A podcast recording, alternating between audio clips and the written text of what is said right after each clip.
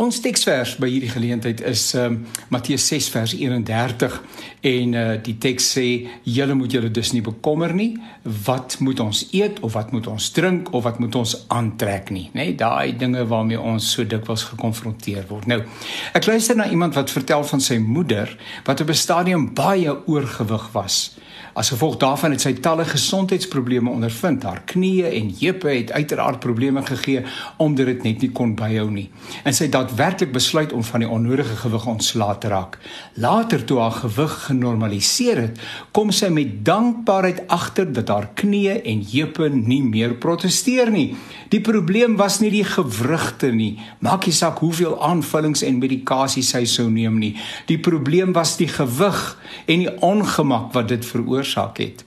In oordragtelike sin is dit die onnodige en bitter swaar gewig van bekommernis wat ander probleme veroorsaak. Depressiwiteit, moedeloosheid, angs en slapeloosheid om maar 'n paar te noem, kan daarmee in verband staan. En ek wil nie emosionele uitdagings simplisties benader nie. Dit is inderdaad kompleks, maar is tog die moeite werd om te oorweeg in watter mate die ongemak verband hou met 'n lewe van selfregkom en eie planne maak, God se helpende hand wegwys en slim probeer wees. Ons maak die lewe soms so moeilik vir onsself. Die Bybel maak dit tog baie duidelik dat die Here goeie dinge vir ons in gedagte het die bekende teks in Jeremia 29 verwys. Daar's baie ander voorbeelde ook. Ons dink soms aan God as iemand wat die lewe vir ons ondraaglik swaar wil maak. Die een toets word deur die volgende opgevolg. Daar is skaars tyd vir asemskep voordat die volgende golf jou oorweldig. In die rotse is gevaarlik naby. Ek dink dit is duidelik 'n verkeerde beeld van God.